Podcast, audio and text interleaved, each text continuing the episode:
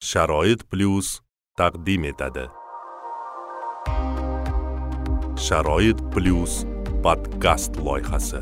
Eng asosiy mezon bola o'zini o'zi idora qila oladigan o'z ehtiyojlarini bildira oladigan inklyuziv ta'limga o'sha siz aytgan toifadagi nogironligi bor e, bolalarni tavsiya etilishi ularni yo'naltirilishi. O'n oltinchi maktab bizaga inklyuziya haqida umuman informatsiyaga ega emasmiz sharoit plyus podkast loyihasi. Bizning internetdagi manzilimiz uch w nuqta sharoit plyus nuqta uz assalomu alaykum hurmatli tinglovchilar hurmatli do'stlar. Sharoit plyus nogironlar jamoat birlashmasining rasmiy telegram kanalida e, bo'lib o'tuvchi sharoit plyus podkast loyihasini navbatdagi soniga hammanglarni xush kelibsizlar deb qolaman. Va e, bugungi e, mavzuyimiz inklyuziv e, ta'lim to'g'risida bo'ladi. Va mehmonimiz respublika tashxis markazi inklyuziv ta'lim laboratoriyasi bo'lim mudiri pedagogika fanlari nomzodi dotsent fayziyeva ubayda yunusovna. Assalomu alaykum. Alaykum assalom. Э, sizga tashakkur bildiramiz. Э, qimmatli vaqtingizni ayamasdan xizmat safaridan qaytib bilan bizni e, mana shu podkastimizda ishtirok etayotganingiz uchun. E, va mana shu biz podkastimizni birinchi e, qismini ochiq deb e'lon qilamiz. Birinchi qismida savollarni o'zim berib o'taman va keyingi qismida interaktiv qismi boshlanadi. Tinglovchilarimiz o'zlarini savollarini yo'llashlari mumkin bo'lib qoladi. Э, ubayda opa э, avvalambor mana shu э, inklyuziv ta'lim laboratoriyasi to'g'risida biroz gapirib berishingizni e, sizdan so'rardim. Umuman e, bu nima o'zi qanaqa bir yo'nalishda tushundik e, ta'lim bo'yicha. Lekin o'zi buni tashkil etilishi asoslari umuman maqsad vazifalari nimalardan iborat bu laboratoriya? Rahmat savol uchun. Inklyuziv ta'lim laboratoriyasi o'zbekiston respublikasi prezidentining alohida ta'lim ehtiyojlari bo'lgan bolalarga ta'lim tarbiya berish tizimini yanada takomillashtirish chora tadbirlari to'g'risidagi o'n uchinchi oktyabr yigirmanchi yildagi pq qirq sakkiz oltmishinchi sonli qarorlariga asosan tashkil etilgan laboratoriyani asosiy vazifasi inklyuziv ta'limni metodik ta'minotini ishlab chiqish. Ikkinchi vazifasi e, demak inklyuziv ta'lim jarayonini tashkil etish uchun zarur bo'lgan chora tadbirlarni o'rganish va ularni amalga oshirilishini e, o'rganish va tavsiyalar ishlab chiqish. Inklyuziv ta'lim jarayonida demak o'qituvchilar alohida o'qituvchilar ota onalar va jamoatchilikni ishtiroki nimalardan iborat ekanligini ishlab chiqish inklyuziv ta'limni targ'ibot qilish ya'ni butun jamoatchilik orasida alohida ehtiyojli bolalarni barcha bolalar bilan teng ravishda ta'lim olishini ta'minlash bo'yicha davlatimizni siyosati prezidentimizni o'sha qarori qarorda belgilangan e, barcha shart sharoitlarni aholi o'rtasida targ'ib qilish. E, va albatta metodik ta'minoti deganimizda e, inklyuziv ta'lim va korreksion ta'limni metodik ta'minoti ya'ni dasturlari o'qituvchilar dars berishi uchun dars ishlanmalari Э, o'sha inklyuziv ta'limni baholash mezonlarini ishlab chiqish inklyuziv ta'lim jarayonida qanday pedagogik texnologiyalarni qo'llash mumkin? Э, shunday pedagogik texnologiyalarni taqdim etishimiz kerak ediki э, alohida ehtiyojli bolalar o'sha sinfda barcha bilan teng o'quv materialini qabul qilish imkoniyatini yaratadigan texnologiyalar bo'lishi kerak edi. Va albatta chet el tajribasini o'rganish o'sha asosida e, o'zimizni milliy inklyuziv ta'limimizni modelini yaratish e, bu borada demak xalqaro konferensiyalar o'tkazish kadrlar tayyorlash masalasida e, o'sha birinchi sentyabrdan inklyuziv ta'limni samarali tashkil etish uchun seminarlar tashkil etildi xalqaro konferensiyalar bular hammasi inklyuziv ta'lim laboratoriyasini zimmasiga kiradi va o'qituvchilarni inklyuziv ta'limga tayyorlash uchun malaka oshirish kurslari tashkil etildi va bundan keyin ham doimiy ravishda e, buni takomillashtirib tashkil etib boradi va yana qator qator vazifalar. Rahmat kattakon e, man e, navbatdagi bir savolni bermoqchiman. O'zingizni E, gaplaringizdan kelib chiqib e, alohida ehtiyojmand e, bolalar deb e'tirof etib o'tdingiz.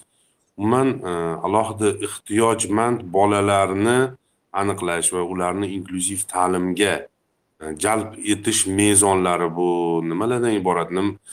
Nimalarga qarab biz bolalarni alohida ehtiyojmand deb qabul qilishimiz mumkin va mana shu inklyuziv ta'limni o'sha e, nima deydi shakllari to'g'risida ham keyinroq e, bir to'xtalib o'tamiz. E, Avvalambor shu bolalarni aniqlab olishda ularni tasniflash jarayonida nimalarga e'tibor qaratiladi?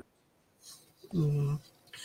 Demak inklyuziv ta'limda qanday alohida ehtiyojli bolalar ta'lim olishi mumkin? degan savol albatta hammani qiziqtiradi. Bu yerda eng asosiy mezon e, bola o'zini o'zi idora qila oladigan o'z ehtiyojlarini e, bildira oladigan va o'sha ehtiyojlari tomon amalga oshiriladigan e, harakatlarda o'z vaqtida yordam so'rashi yoki bo'lmasam o'zi harakatlanib ehtiyojini amalga oshirishga oshirish darajada imkoniyati bo'lgan bolalar. Bularga kimlar kiradi? Masalan harakatida muammosi bo'lgan bolalar e, harakatidagi muammosidan tashqari albatta ular jamoadan ancha muddat e, chetda oilada bo'lganligi uchun ruhiy rivojlanishi birmuncha sustlashgan bo'ladi. Lekin aravachada o'zi bemalol harakat qila oladigan bo'lsa va boshqa qo'shimcha kasalligi bo'lmagan bolalar qabul qilinadi. Eshitishida muammosi bo'lgan bolalar oltmish detsibel oltmish besh detsibelgacha eshitish qobiliyati pasaygan bolalar zaif eshituvchi deymiz ularni. Shu bolalar qabul qilinadi. Ko'rish qobiliyatida ham nol bir darajagacha ko'rish qobiliyati pasaygan bolalar va aqliy rivojlanishida yengil darajadagi e, cheklanishi bo'lgan bolalar ruhiy rivojlanishi sustlashgan bolalar. Hozirgi paytda butun dunyoda keng e, inklyuziv ta'limga keng jalb qilinayotgan autistik sferasi buzilgan bolalarni e, o'zini idora qila oladigan va ta'lim jarayonida boshqa bolalarga xalaqit beradigan darajagacha bo'lmagan e, bolalar inklyuziv ta'limga jalb qilinadi. Ya'ni e, inklyuziv ta'lim jarayonida e, sinfdagi barcha o'quvchilar bilan birga ta'lim olishga moslasha oladigan darajada imkoniyati cheklangan bolalar inklyuziv ta'limga jalb etiladi. Hozirgi kunda biz bizni o'rganishimiz jarayonida e, shuni guvohi bo'ldikki shu bu yil inklyuziv ta'limga jalb qilingan bolalarni barchasi hozirgi kunda moslashgan va ta'lim jarayoniga kirishib ketgan. Biz buni chuqur hali yana o'rganamiz. E, dastlab og'ir deb hisoblangan bolalar ham hozir moslashib ta'lim jarayoniga kirishishini kuzatdik. Tushunarli. O'z o'zidan savol tug'iladi eshitish qobiliyatini yoki ko'rish qobiliyatini batamom yo'qotgan e, bolalarni e, taqdiri nima kechadi? O'zi umuman ular inklyuziv ta'lim jarayoniga jalb etilishi kelajakda rejada bormi o'zi yo'qmi? Chunki hozir o'z o'zini idora qilish va o'ziga e, ko'mak bera oladigan darajadagi bolalar deb endi tushunsak ham bo'lsa kerak. Lekin boshqa toifadagi bolalar ham ko'p. Misol uchun o'sha total e, ko'rish qobiliyatini yo'qotgan yokida umuman eshitish qobiliyatiga ega emas yokida o'sha siz e, boya aytib o'tganingizdek e, autizmi bor masalan farzandlar ularni taqdiri nima kechadi? Mm. Rahmat savol uchun. Bu birinchi bosqichda biz shunday shartlarga rioya qilishga majbur bo'ldik. Lekin kelajakda total ko'rmaydigan yoki bo'lmasam karlik darajasida eshitish qobiliyati buzilgan bolalar hozirgi kunda ularni maktabgacha ta'limi yo'lga qo'yilgan. Va maktabgacha ta'lim maktab ta'limida xalqaro zamin fondi juda katta ko'mak berib bularni hammasini eshitmaydigan bolalarni demak hammasini eshitish apparatlari bilan ta'minlab maktablarda yuqori chastotali internetlar o'rnatish yo'li bilan ularni eshitish qobiliyatini tiklash asosan eshitish qobiliyatini qobiliyatidan foydalanish darajasida yordam beradigan vositalar orqali ularni sog'lom bolalarga yaqinlashtirish borasida ish olib borilyapti. Bunda demak maktabgacha ta'lim muassasasida bu rivojlansa bolalar maktabgacha ta'lim muassasasini o'zida e, inklyuziv ta'limga birmuncha tayyor bo'lib keladi. Eshitishida muammosi bo'lgan va o'sha ko'rishida chuqur muammosi bo'lgan bolalar maktab e, inklyuziv ta'limga kelguncha masalan ko'rishida muammosi bo'lgan bolalar brayl yozuvini to'liq o'zlashtirib keladi. Brayl yozuvini to'liq o'zlashtirgandan keyin audio materiallarni qabul qilish imkoniyati rivojlanadi. Va albatta bu bolalar sog'lom bolalar bilan e, bemalol muloqotda bo'lishi mumkin va sog'lom bolalar qatorida ta'lim olish imkoniyati yaratiladi. Eshitishida muammosi bo'lgan bolalar esa maktabgacha tarbiya muassasalarini o'zida o'sha sog'lom e, o'zini tengqurlariga tenglashgan holda dastlabki muloqot ko'nikmalarini egallaydi va inklyuziv ta'lim jarayonida maxsus pedagog yordamida e, ta'lim teng ravishda ta'lim olish imkoniyati yaratiladi. Lekin bu birmuncha vaqt talab qiladi. Tushunarli. Rahmat ustoz.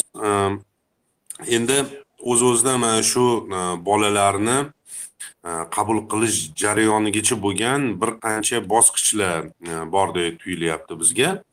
Bular э, nimalardan iborat? Ya'niki baribir bilan mana maxsus o'sha maktabgacha ta'lim o'sha bog'chalarga bolalarni yo'naltirish uchun alohida bir shu komissiya bor va komissiyani tavsiyasi bilan bu bolalar o'sha bog'chalarga yo'llanma olishadi. Э, mana shunday kechadi buni mexanizmi. Inklyuziv ta'limga o'sha siz aytgan toifadagi nogironligi bor e, bolalarni tavsiya etilishi ularni yo'naltirilishi jalb etilishi mexanizmi qanday kechadi? Misol uchun ota va ona o'z farzandini inklyuziv ta'limga e, bermoqchi bo'lsa e, qaysi bosqichlardan o'tish kerak? Umuman mana shu mexanizmlar to'g'risida gapirib endi masalan o'n yil oldingi ota onalar boshqa edi. Hozirgi yosh ota onalar mm, farzandi tug'ilgan tug'ilgan kunidan boshlab e, farzandini holati undagi e, chekinishlar e, undagi muammolarni erta aniqlash uchun urinyapti biz o'sha tajriba jarayonida shuni kuzatyapmizki hatto uzoq uzoq mana hududlarga borganimizda ham ona bolasini e, tashxisini bilyapti. To'rt yoshidayoq uch yoshidayoq e, bolam yo eshitmayapti yoki eshityaptiyu lekin gapirmayapti juda serharakat buni autizm deyishyapti hatto autizm haqida ham ota onalar bilyapti. Demak boladagi o'sha imkoniyatidagi cheklanishlar erta aniqlanish birinchi e, inklyuziv ta'limni samarasini beradigan e, E, omil hisoblanadi. Erta aniqlangandan keyin e, o'sha maktabgacha ta'lim muassasasiga joylayotganda e, inklyuziv sharoitni yaratish orqali biz ularni keyinchalik maktab ta'limi jarayoniga jalb qilishimiz oson oson kechadi. Chunki agar o'sha kichik yoshidan maktabgacha yoshidan maxsus bog'chaga bersa va faqat o'ziga o'xshagan bolalar davrasida u maktab yoshigacha tarbiyalansa bunday bolani albatta mm, darhol inklyuziv ta'limga olish ancha qiyinchilik tug'diradi. Bolani maktabga yo'llashda barcha viloyatlarda tibbiy psixolog pedagogik komissiya bor. U komissiyaga o'sha shifokor kichkinaligidan unga qo'yilgan tashxis asosida u yerdagi barcha mutaxassislar va u yerda psixonevrolog bor otolaringolog o'sha oftalmolog shifokorlar va pedagoglar psixologlar bolani o'rganib shunga qarab tavsiya beradi. Inklyuziv ta'lim olishi mumkin yoki maxsus ta'limga yo'llash zarur deb topib yo unga yo inklyuziv ta'limga yo'naltiradi. Bu yerda albatta o'sha dastlabki qo'yilgan tibbiy tashxis e, juda katta rol o'ynaydi. Demak e, o'sha mm, sog'liqni saqlash vazirligi ham bu bolalarni taqdiri bo'yicha katta ish olib borish kerak va kichik yoshidan to'g'ri tashxis qo'yib e, o'sha tashxis bola onani ota onani qo'lida bo'lsa shunga qarab keyingi harakatlarni amalga oshiradi. Tushunarli. Rahmat kattakon keyingi savolim quyidagicha bo'ladi. Mana inklyuziv ta'lim deyapmiz. Avvalambor bugun bo'yicha nechta maktablarda va nechta bola bunga jalb etildi? Keyin e, tushunishimcha surishtirish ishlarimiz e, natijalariga ko'ra shunaqa aniqlanyaptiki va qarorlarda ham shunaqa aks etgan. Mana shu maktablarni e, ichida maxsus shu nogironligi bo'lgan bolalarni o'qitadigan e, sinflar tashkil qilish orqali bu inklyuziv ta'limni o'sha ilk bosqichlari deb e, qabul qilinyapti. Э, lekin bu holat bolalarni ya'ni o'sha nogironligi bo'lgan bolalarni e, kelajagiga mm, salbiy ta'sir qilib qolmaydi. Misol uchun hozir ayniqsa pandemiya juda yam ko'pchilikni o'rgatdi. E, palon sinf e, karantinga yopilibdi. Sal anaqa qilinglar deb bolalar ehtiyot bo'lib yuradi boshqa qiladi. Bu yerda nogironligi bo'lgan bolalarni alohida sinflarga bo'lib deylik maktab binosida o'qigani bilan baribir darslar jarayonlar. Asosan o'sha alohida sinflarda bo'lib o'tadida. Mana shu holat ularni e, nima deydi o'zini boshqa nogironligi bo'lmagan tengdoshlarini oldidagi e, tasavvurini taassurotini baribir bir o'sha oldingidagi bo'lib qolishiga e, olib kelmasmikin siz mutaxassis sifatida pedagog sifatida ona sifatida o'zingizni fikringizni bildirsangiz rahmat. Bilasizmi hozirgi kunda mana bizni maktablarni o'rganishimiz jarayonida shu narsaga iqror bo'ldikki biz o'zbekistonda inklyuziv ta'limni tashkil etishida juda to'g'ri yo'l tutyapmiz. Avvalambor e, har bitta e, maktabda o'sha hududda yashaydigan alohida ehtiyojli bolalar o'sha hududidagi maktabdagi birinchi sinfga qabul qilindi. Demak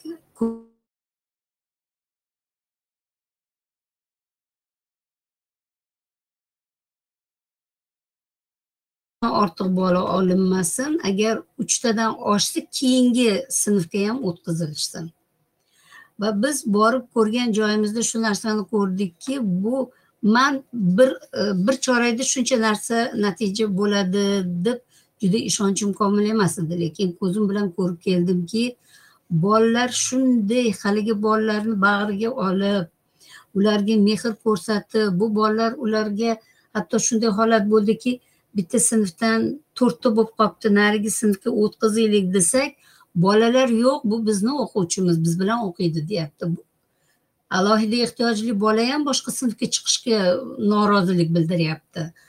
O'qituvchini ham bergisi kelmayapti. Ya'ni biz o'ylagandan ham yaxshiroq e, natija berdiki bolalar bir chorani ichida ta'lim jarayoniga kirishib sinfga moslashib ketgan. Bolalar e, atrofidagi o'sha sinfdoshlari bularga juda mehribonchilik bilan qarayapti. E, ularga g'amxo'rlik qilyapti va dars jarayonida biz mana shu yetmish ikki soatligina malaka oshirish kursi o'tdik. Unda judayam mukammal chet el tajribasi bilan bergan bilimlarimizni o'sha e, tanlangan sinf o'qituvchilari amaliyotda judayam chiroyli va e, yaxshi qo'llagan. Darslarda ularni qo'llagan e, zamonaviy texnologiyalar masalan daun sindromli bola qo'lidan hech narsa kelmaydi. U og'ir aqli zaif degan gaplar ham bo'lardi. Doskaga chiqib kompyuterga o'tirib bugungi o'tadigan harfni topib ekranga chiqar desa chiqarib o'tiribdi.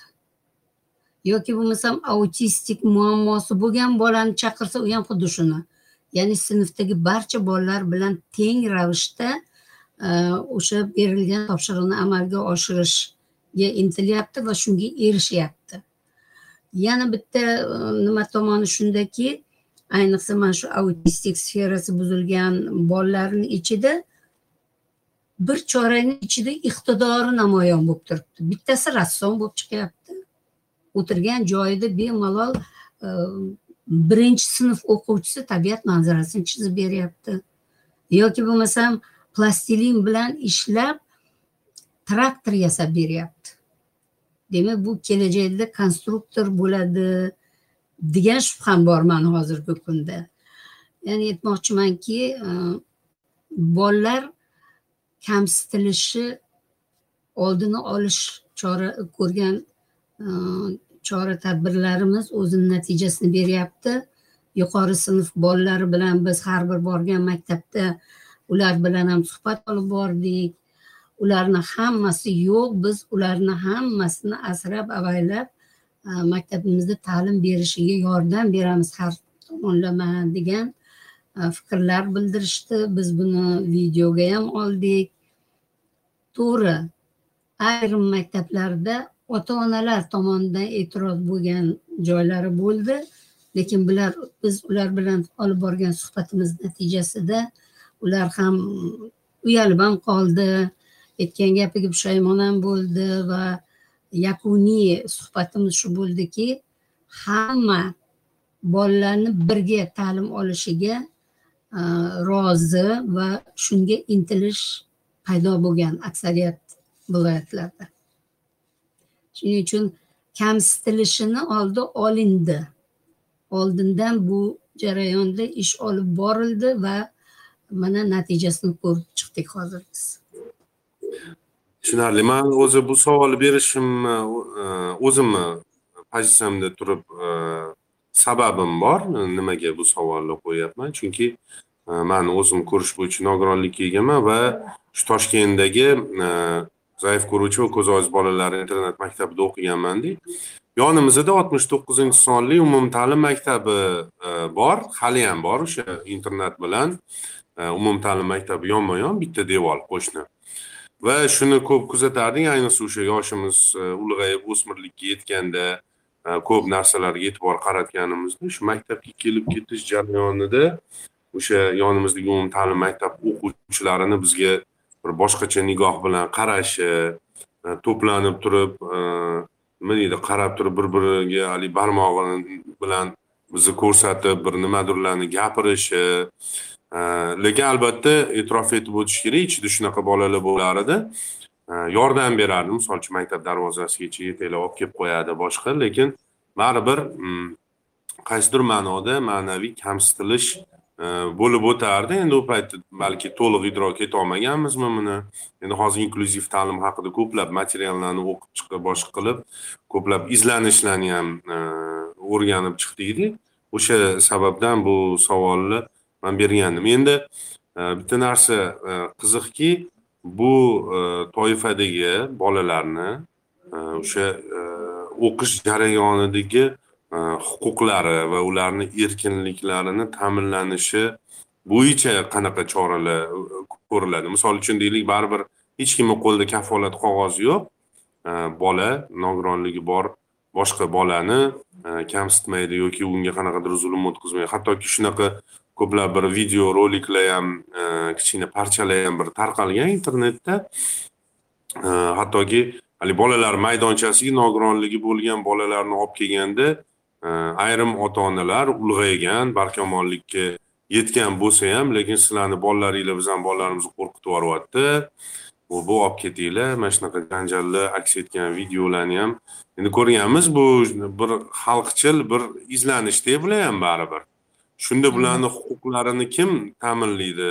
Ular kimga borib murojaat qilishadi va qanaqa shu mexanizm bilan bularni himoya qilinadi? Masalan e, deylik ko'pchilik ota ona bir maktabda misol uchun yuz ellikta ota ona bir birlashdi va imzo yig'ib shu e, nogironlik bo'lgan bolalarni bu yerda o'qimasligini so'raymiz deb murojaat qilib chiqdi. Shu hollarda ularni kim va qay yo'sinda himoya qiladi? Hmm.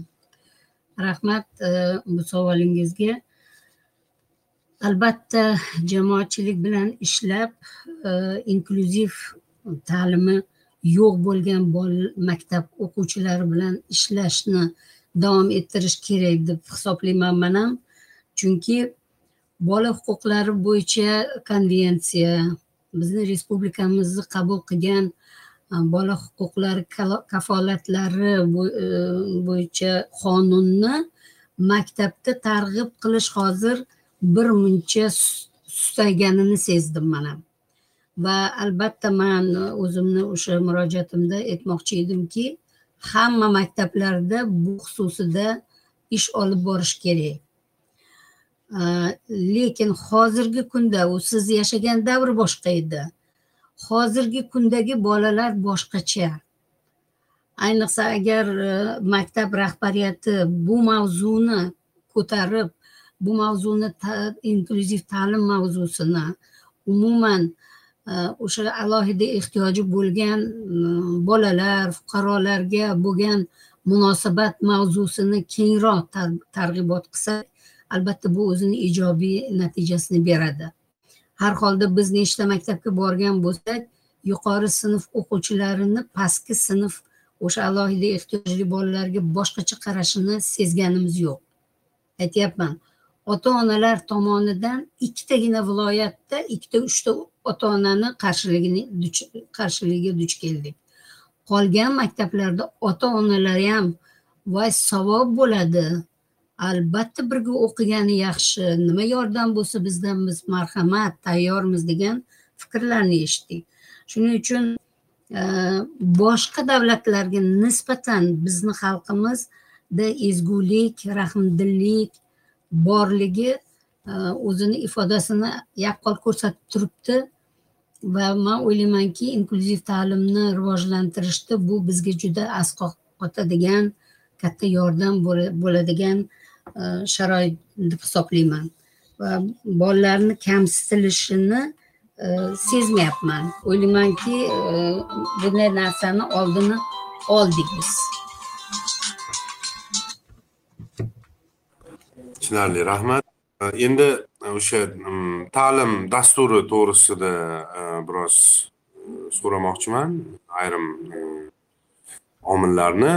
Bu sinflarga ta'lim o'sha dasturi davlat ta'lim dasturi deydimi o'sha standartlari qanaqa ishlab chiqilgan? Bu o'sha umumta'lim maktabi programmasi bilan bir xilmi yoki avvallari o'sha maxsus internet maktablarini dasturlarini bilardik.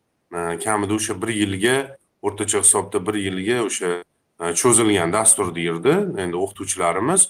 E, yoki shunaqa dastur bilan o'qitiladimi? Umuman dastur parametrlari e, deylik mayli boshqa auditoriyada o'tirgan nogironligi bo'lmagan bolalar bilan ya'ni tengdoshlari bilan bir xil dasturdan ta'lim olishadimi yoki boshqachami? Endi bizda joriy qilingan inklyuziv ta'lim mm, ikkita yo'nalishda bo'lyapti. Birinchisi inklyuziv sinf. Inklyuziv sinfda o'qiyotgan bolalar barcha bolalar ta'lim olayotgan mm, o'sha davlat ta'lim standarti asosidagi dastur va darsliklardan foydalangan holda ta'lim olyapti. Endi ular shunga yetib borishi uchun masalan boshqa davlatlarda biz buni kuzatmaganmiz. Biz o'zimizni milliy yondashuvimizni ishlab chiqdik shu laboratoriyada.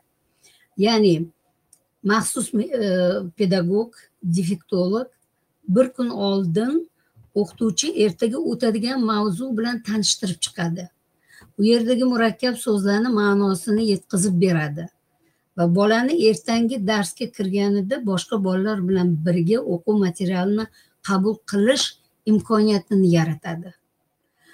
Bu o'qituv defektolog o'qituvchi tayyorlagan narsani mana hozir borgan joyda ota onalar bilan o'quv seminar o'tkazdik tushuntirdik.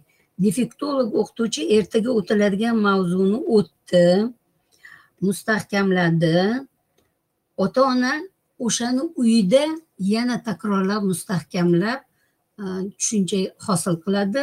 Shunda o'quvchi sinfga kelganda barcha bolalar bilan baravar qo'lini ko'tarib savolga javob berib endi savolga qanday javob berishigacha biz ishlab berdik o'qituvchilarni qo'liga.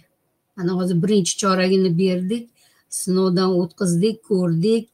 Kamchiliklarimizni o'zimiznikini aniqlab yana ikkinchi choraynikini takomillashtirgan holda ishlab beramiz.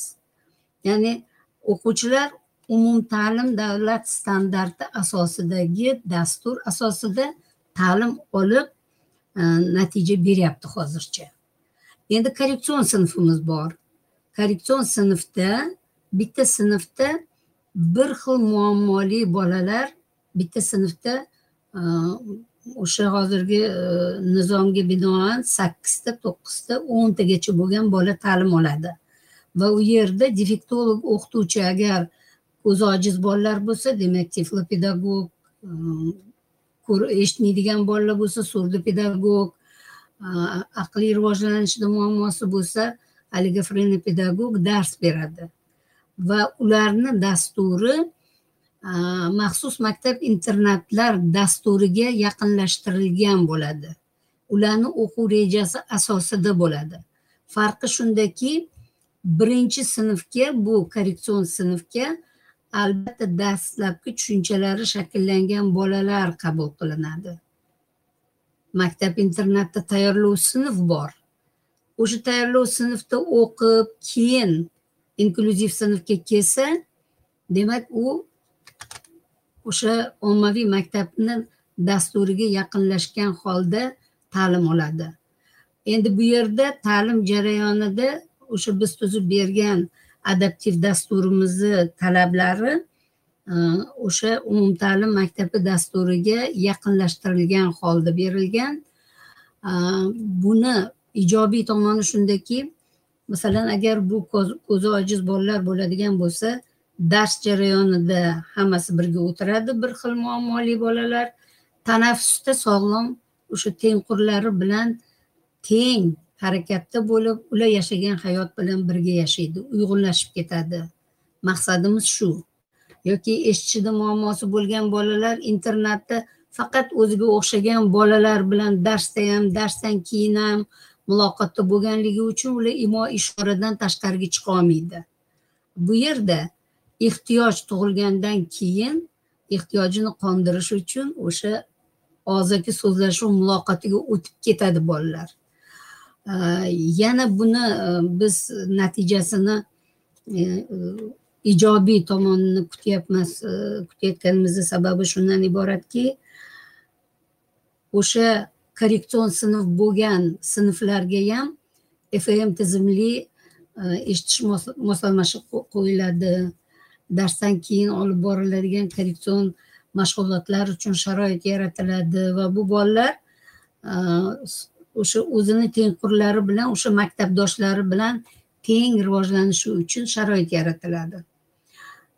O'zi asl maqsad shunga yo'naltirilgan ya'ni bu bolalar inklyuziv sharoitda voyaga yetsin inklyuziv sharoitda tengqurlari bilan muloqotda bo'lib ular yashayotgan hayotga moslashib kelajakda inklyuziv jamiyatda yashash uchun tayyor bo'lishini maqsad qilib qo'yilgan. Tushunarli. Kattakon rahmat javoblaringiz uchun yana bir qiziqarli jihati bor. Bizda joriy etilayotgan inklyuziv ta'lim shaklida to'siqsiz muhit degan tushuncha bor. Umuman nogironlik va nogironlik masalalari to'g'risida so'z kechganda albatta ko'plab nogironlik bo'lgan insonlar birinchi bo'lib uradigan Э, va muammo sifatida oldinga ko'ndalang qo'yadigan bir e, masala bu to'siqsiz muhit. Inklyuziv ta'lim dasturiga o'sha kiritilgan umumta'lim maktablari umuman e, o'sha to'siqsiz muhit parametrlariga qay darajada javob beryapti? Bu masalan e, nima deydi ko'p savol kelib tushyapti. Deylik maktabni birinchi qavatida u sinflar qilingan bo'lsa ular maktabni boshqa o'sha korpusni ikkinchi uchinchi yoki to'rtinchi qavatiga yokida tadbirlar zaliga masalan to'siqsiz ravishda e, aravachada yoki boshqa uskuna yordamida e, kirib bora oladimi yo'qmi? degan savollarni ham e, berishdi bizaga efirimizdan oldin. Va mana shu masaladagi o'sha mexanizmlarni ishlab chiqish jarayonida nogironligi bo'lgan shaxslarni shu jamoat tashkilotlaridagi mutaxassislar ham jalb etilib buni e, test qilib o'sha panduslar deb aytishyapti maktablarga panduslar qo'yildi o'sha kerakli barcha narsalar qo'yildi deb siz ham mana e, alohida e'tirof etyapsiz. Umuman bularni nogironlarga ya'ni nogironlikka ega bo'lgan bolalar foydalana olishi uchun qay darajada bu misol uchun e, yo'l ochiq bu maktablarda? Mm-hmm. Rahmat. O'quv yili boshlanishidan oldin e, o'sha inklyuziv ta'lim uchun shart sharoitlar yaratishni birinchi e, nimasi mezoni bu o'sha shart sharoitni yaratish. Ya'ni bolalar erkin harakatlanishi uchun zarur bo'lgan barcha moslamalar bilan ta'minlanish masalasi ko'ndalang qo'yildi. Va respublika tashxis markazi xalq ta'limi vazirligidan e, vazirligi xodimlaridan iborat maxsus e, o'sha o'rganish komissiyasi borib biz maktablarni o'rgandik. E, pandus bo'lishi shart. Pandusda harakatlanish uchun perila bo'lishi shart. E, maktabni ichiga kirganda koridorda u binodan bu binoga o'tish uchun to'siqsiz o'tadigan tekis yo'l bo'lishi shart. Mana shu narsalarga juda katta e'tibor berilib agar shunday sharti bo'lmagan maktablar aniqlanganda shunday shart sharoiti bor bo'lgan maktabga alishib hozirgi kunda birinchi qavatda harakatlanish imkoniyati biz ko'rib chiqqan maktablarni hammasida mavjud. Hojatxona masalasi.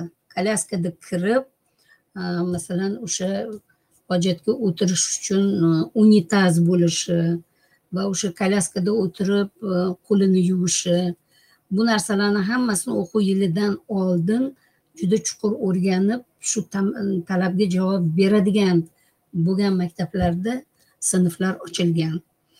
Endi yuqori qavatlarga chiqishi uchun ko'tarma lift bo'lishi uchun e, zamonaviy maktab davlat dasturiga tushgan maktablarda bu bo'ladi.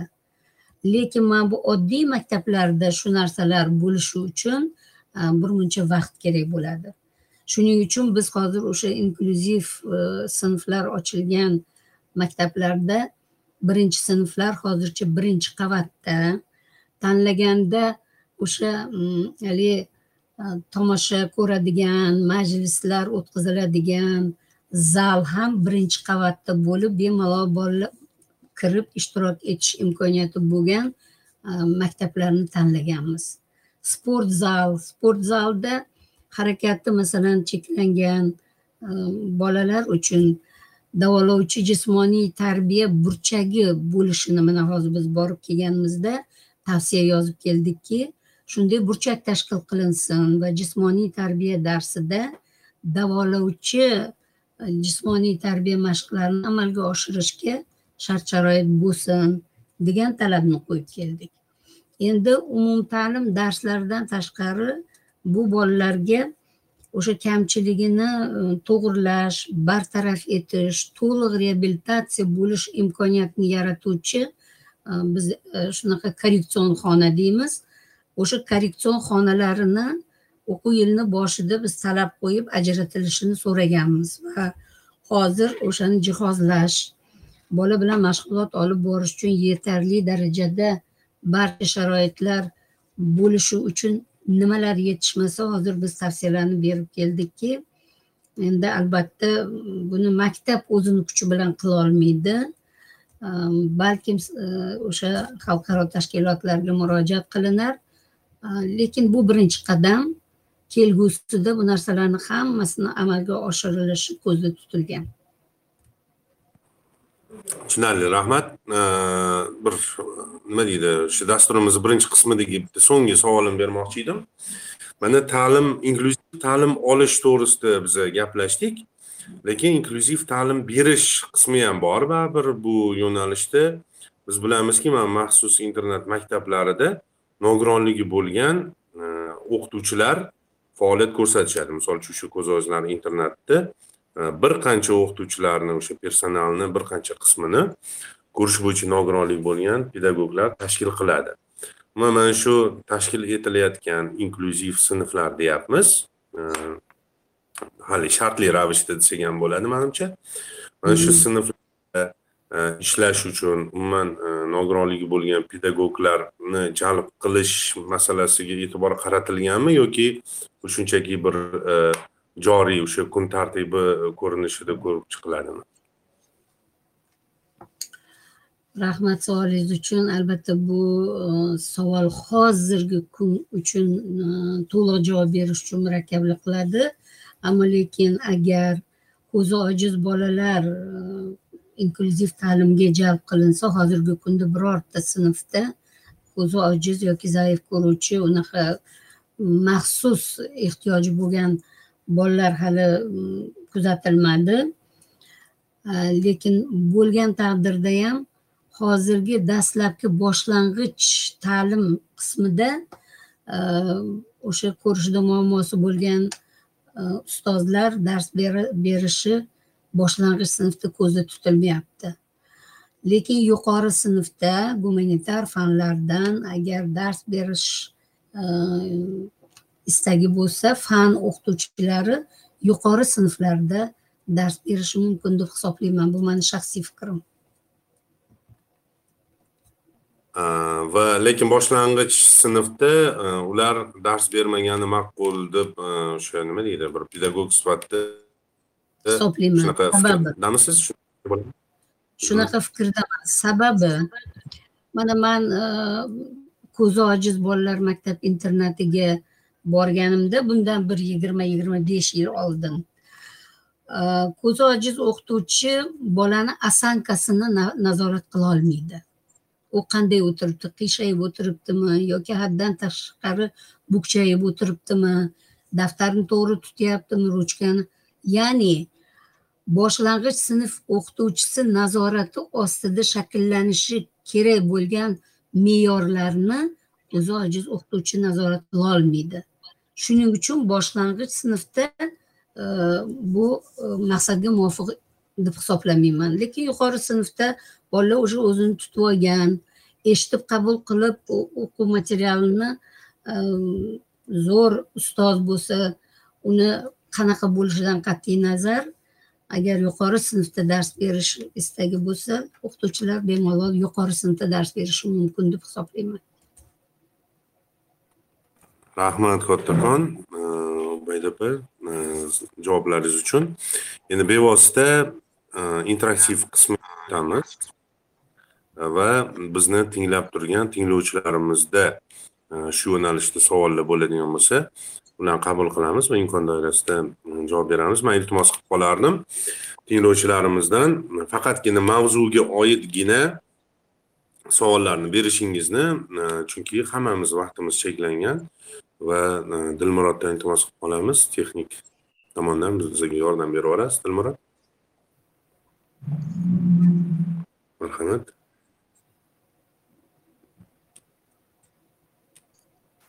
Sevara alisherovna marhamat marhamat sevara alisherovna e, sizni o'zingizni qisqacha tanishtirib qayerdan aloqaga chiqyapsiz va savolingizni unda bayon qilsangiz assalomu alaykum. Assalomu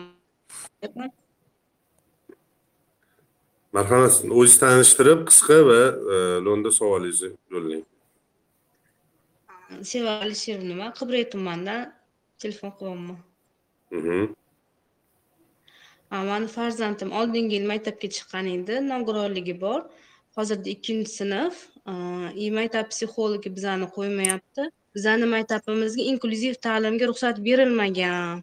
Inklyuziv ta'limga ruxsat berilgan maktabga olib o'tib boring deb. Hozirda man nima qilishim kerak? Mani farzandim sinfga o'rganganda hozir o'quvchilariga.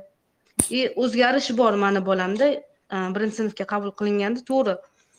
Birinchi sinf programmasini unaqa qabul qilolmadi yaxshi.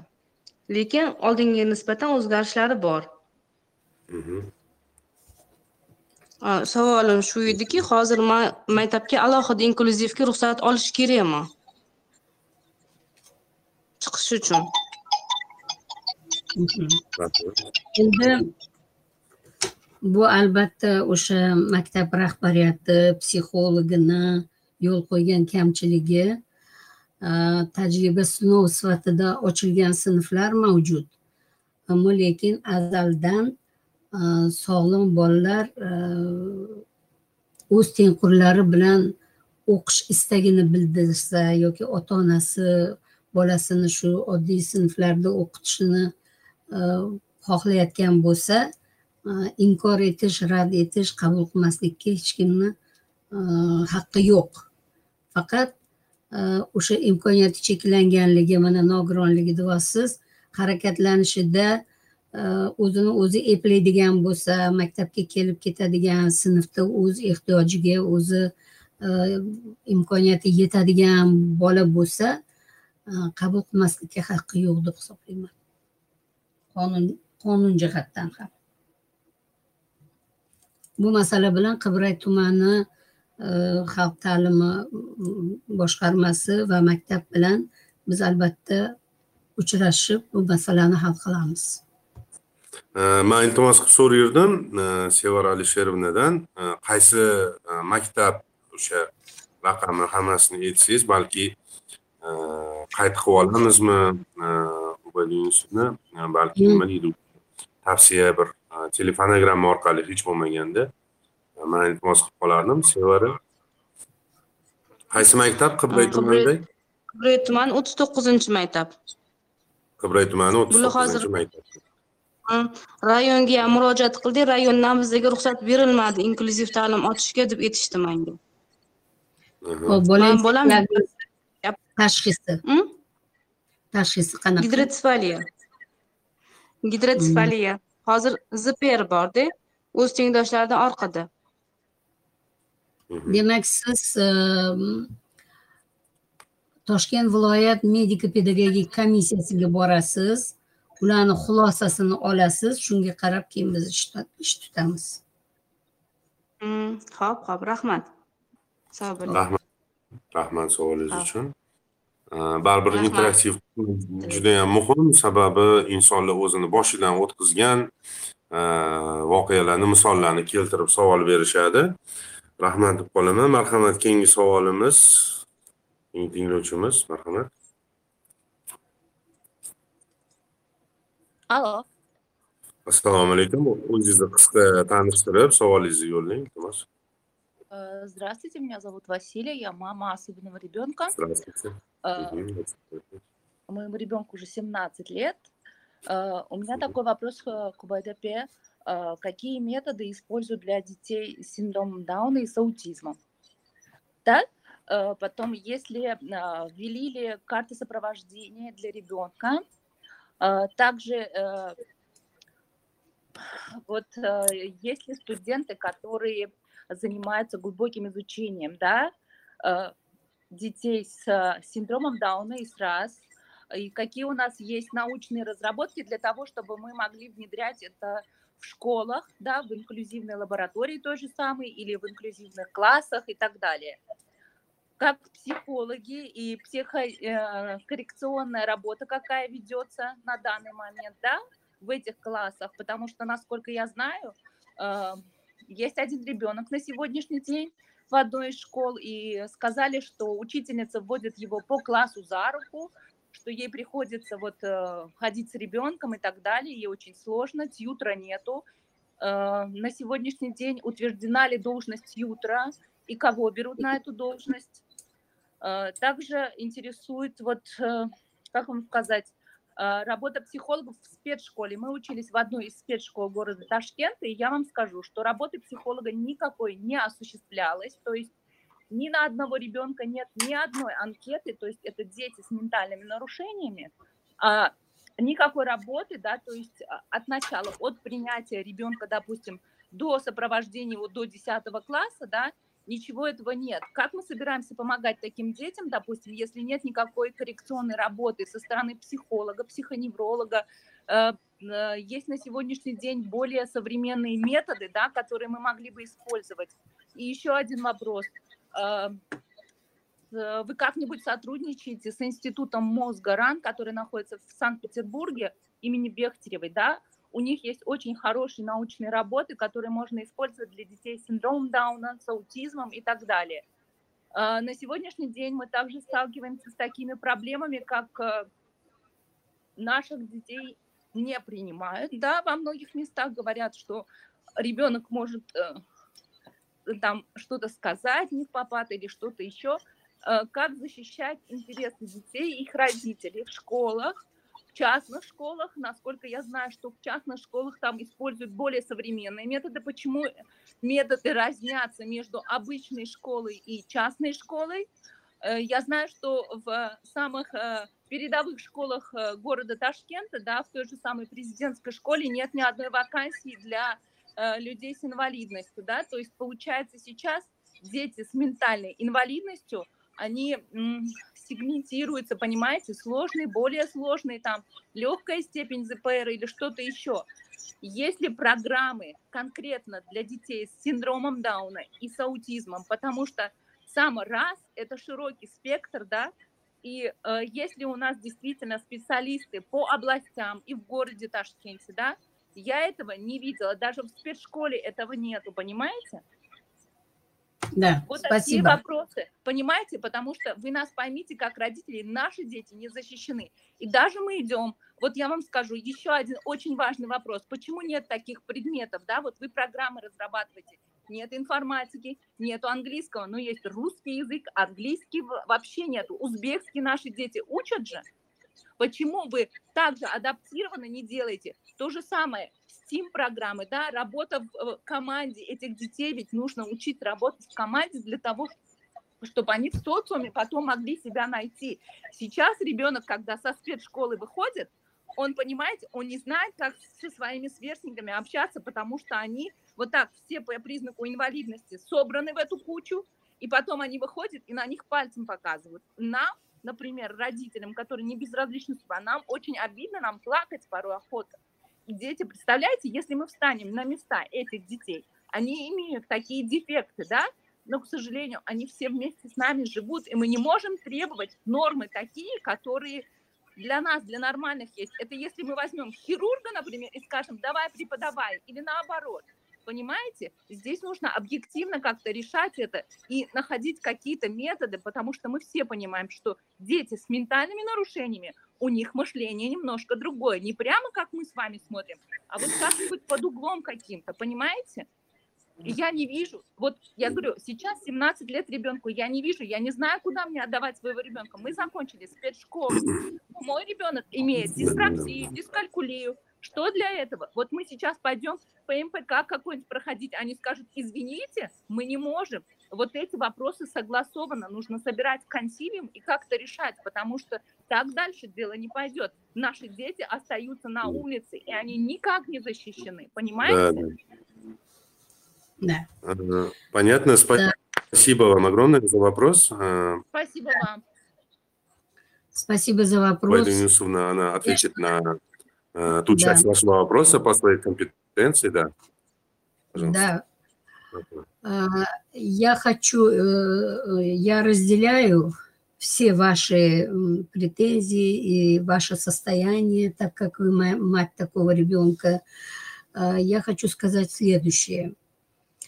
А, дети с аутизмом с раз у нас мало изучены действительно и они учились в спецшколах, скажем, э, в среде детей может быть интеллектуально ниже, чем они в вспомогательной школе, потому что эта проблема у нас только начинается изучение этой проблемы и внедрение обучения этих детей. Мы делаем первые шаги. Мы детей с раз на, на улице не оставляем. Естественно, при, э, скажем, включении в инклюзивное образование мы стараемся придерживаться заключению медико-педагогической комиссии, если они считают, что э, можно принять э, в первый класс, пока мы принимаем, у нас эксперимент идет, мы очень глубоко изучаем. И я в самом начале, вы, если узбекский понимаете, в своем выступлении сказала, что у детей с раз из-за того, что учитель по, специальный подход для них делает. А, вот вы говорите об интерактивных методах. Мы когда повышали квалификацию учителей, у нас первая задача была внедрить а, интерактивные методы обучения. Работа в, в группах, работа в парах. Америка не сразу строилась, и в Узбекистане в будущем, конечно, это все будет. И будет даже очень хорошо. Мы специалисты, эм, как говорится, все отдаем для этого. Мы не жалеем ни времени, ни сил своих, ни здоровья, но хотим все-таки, чтобы инклюзивное образование у нас было на уровне. А так как ваш ребенок, вашему ребенку уже много лет, нужно будет с обществом э, инвалидов как-то для таких детей какие-то курсы специальные для того, чтобы им дать какую-то специализацию, какие-то навыки, э, профессии, чтобы они в дальнейшем могли э, сами среди своих сверстников найти свое место в жизни. Я знаю, что таких детей у нас много. Э, конечно, мы многое очень упустили. Инклюзивное образование в качестве эксперимента все эти годы шли – но они шли односторонне. Благодаря указу президента, э, вот благодаря тому, что э, в этом году очень серьезно Министерство народного образования взялось за это, приказ министра просвещения 240 по улучшению образования детей с особыми нуждами на основе указа президента – внедрение очень серьезно контролируется, и специалисты мы очень серьезно к этому относимся. В будущем, конечно, я э, как специалист надеюсь, что у нас это все будет на месте. А с вашим ребенком и с детьми, которые в таком возрасте, как вы, действительно нужно будет серьезно взяться за это. И я бы обратилась к обществу инвалидов тоже, э, как-то сделать э, какое-то оптимальное предложение, чтобы мы все совместно что-то разработали для этого, для будущего. kattakon javobingiz uchun marhamat keyingi savol berish marhamat assalomu alaykum assalomu alaykum ubayda opaman hafizaman sharafova ubayda opa biz to'qsoninchi maktabdagi o'n besh yoshli fazogirni implant qildirgan edik. Sakkizinchi sentyabrda e, yoqdik implantni. Hozir uni maktab o'quvchilari ro'yxatidan chiqarish kerak internatdan ommaviyga tayyorlashimiz kerak hali bola tayyorlanmagan. Shuni uy hmm. ta'limi qilib tayyorlashimiz mumkinmi? Endi bolangiz necha yoshda o'n besh yoshda ubayda opa hijolat bo'lyapti bolalarni chektirmayman deyapti tortinyapti. Narigi maktabdan chiqaring deb telefon qilishyapti internatdan quvasoydan bu yoqdagi umumta'limga borgani bola hijolat bo'lyapti. Nima qilishimiz mumkin? Tayyorlanmagan lekin hali. Bola tayyor emas maktabga. Birinchidan birinchi настройка endi sakkizinchi sentyabrda qildik. Так endi eshiting hech kim sizni bolangizni internatdan mikrofoningizni o'chirib turing tinglovchi iltimos chunki e, aks sado bo'lib ketyapti boshdan ubayda opa agar malol kelmasa boshdan chunki yaxshi eshitilmadi implant qo'yilgan bola besh yoshgacha agar implant qo'yilgan bo'lsa uni reabilitatsiyasi ikki yarim yil davom etadi ikki yarim yil deganda u bola reabilitatsiya bo'ladi va ommaviy maktabda sog'lom bolalar orasida hech qanday qiyinchiliksiz o'qib ketadi. Lekin agar yoshi besh yoshdan oshgan bo'lsa uch yil hatto to'rt yil vaqt talab qiladi uni to'liq reabilitatsiya bo'lishiga. Shuning uchun implant qo'yilganiga hali bir yil bo'lmagan bo'lsa hech kim sizni bolangizni inklyuziv ta'limga chiq deyishga haqqi yo'q. Chunki unda nutq yo'q. Hali eshitish ko'nikmasi shakllanmagan. U karligicha turibdi hozir. Inson tug'ilganidan to bir yarim yoshigacha endi gapirishni boshlaydi chaqaloqligida. Chunki uni boshqa muloqot vositasi bo'lmagandan keyin u o'sha nutqiy muloqotga intiladi va tezroq ilg'ab oladi yoshi katta bo'lgan bola imo ishora nutqini egallagan bola operatsiya bo'lishi bilan qulog'i ochilib u darrov gapirib ketmaydi. Kim agar shunday degan bo'lsa bu judayam noto'g'ri xulosa va noto'g'ri yondashuv. Bolangiz internatda o'qishni davom etishi kerak. Buni man pedagog mutaxassis sifatida e, qat'iy e'tirof etaman. Rahmat kattakon demak keyingi e, savolni qabul qilamiz o'chimiz marhamat. Assalomu alaykum. Assalomu alaykum. Marhabo buxoro viloyatidan telefon qilyapman avvalambor rahmat. Shunaqa post postkast tashkil qilganinglarga ubayda opani kimlardandir eshitganman. Ubayda opa assalomu alaykum. Xursand bo'ldim. Bugungi boshlagan mavzungizni ozgina bo'lsa ham sal kechroq tinglashni boshladim lekin ko'p informatsiya oldim. Rahmat shunchalik e, farzandlarimizga e'tibor qaratayotganinglarga xursand bo'ldim. E, savolim bir nechta desam ham bo'ladi ubayda opa e, mani farzandim ikkinchi sinfda hozir sindrom dauni tug'ilgan. Ikkinchi sinf oddiy maktabga karantin paytida o'tgan yili qo'yganman. Buxorodagi yigirma to'qqizinchi idumda birinchi sinfga o'tgan yili borgan direktor judayam yaxshi insonlar shundoq olganlar. Mandan hech nima talab qilmasdan chunki karantin payti ko'p joylar yopiq labek savolni imkon qadar qisqa lo'nda qilib bering iltimos chunki vaqtimiz cheklangan o'zi e, vaqtdan o'tib ketyapmiz. Хорошо. Savolim oddiy maktabga berganim birinchidan mani yutug'im. Bitta muammo qiynalyapti bizani psixolog ishlamaydida. Hozir buxorodagi ikkita inklyuziv ta'lim maktablar ochilgan ekan. Ularni surishtirsam bittasi judayam kogon shahrida u judayam uyimga uzoq. Uning o'n oltinchi maktabga telefon qilganda o'n oltinchi maktab bizaga inklyuziya haqida umuman informatsiyaga ega emasu bizaga Э, nima qilishmadi? Talab bo'lmadi короче talab bo'lmagani uchun biza ochmadik deb javob berishdi. Lekin mani maqsadim э, inklyuziv maktab ochilgan maktabga ko'chirish emas o'zini maktabda qoldirishda hozir sizdan maslahat so'ramoqchi edim. Man qanaqa o'sha metodikani bersam bo'ladi o'qituvchisiga чтобы mani farzandim bilan дальнейшем shug'ullanishiga. Chunki ustozi ikkinchi sinfda almashdi. Ustozi zo'rg'a rozi bo'ldilar. Bunaqa diagnozli bolalar bilan ishlamaganlar lekin o'ttiz besh yillik shtatlari bor ekan.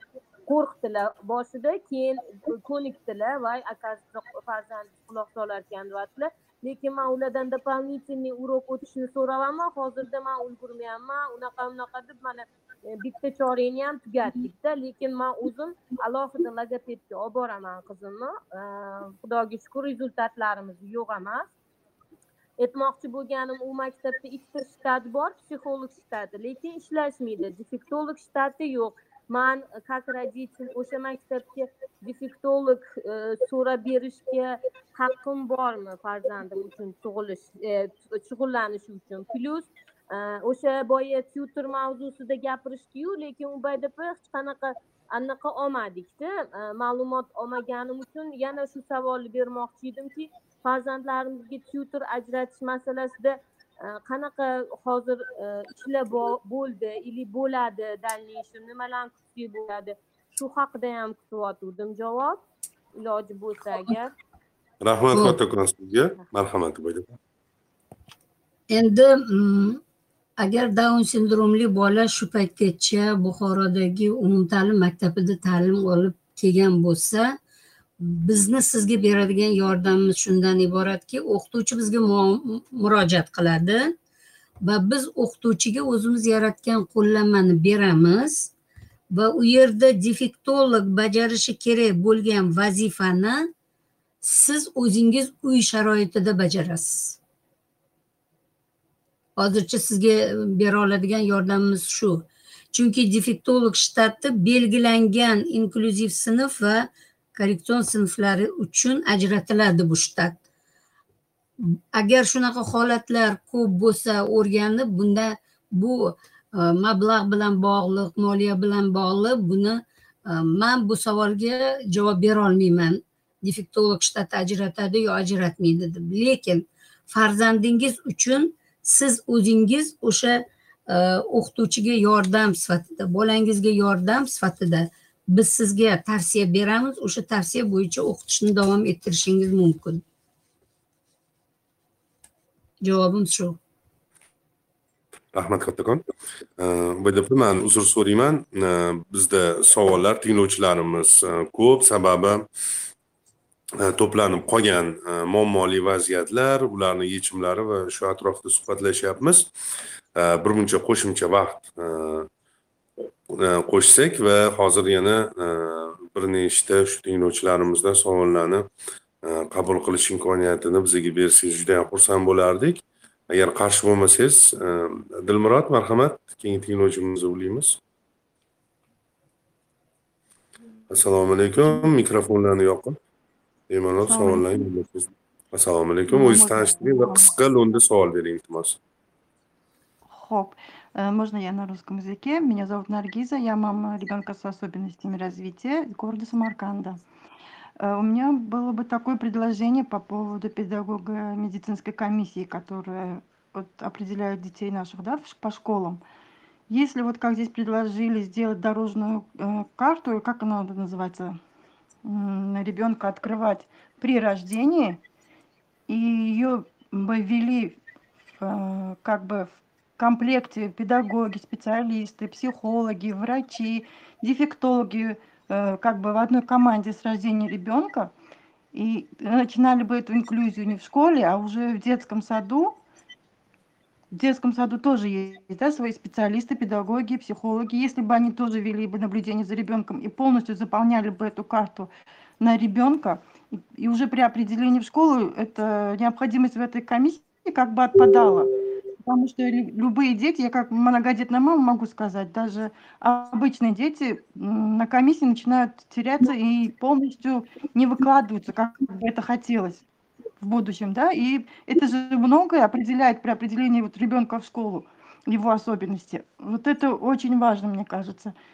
И еще одно предложение, если в этих наших школах будут тьютеры, э, им дать такую привилегию или что ли, чтобы раз они ведут наших детей в этой школе, да, э, полностью уже к, к, э, к концу школы, когда ребенок заканчивает обучение, чтобы они могли э, рас, э, написать или высказать свою точку зрения по поводу особенностей ребенка, склонности ребенка к определенной профессии, к определенному творчеству.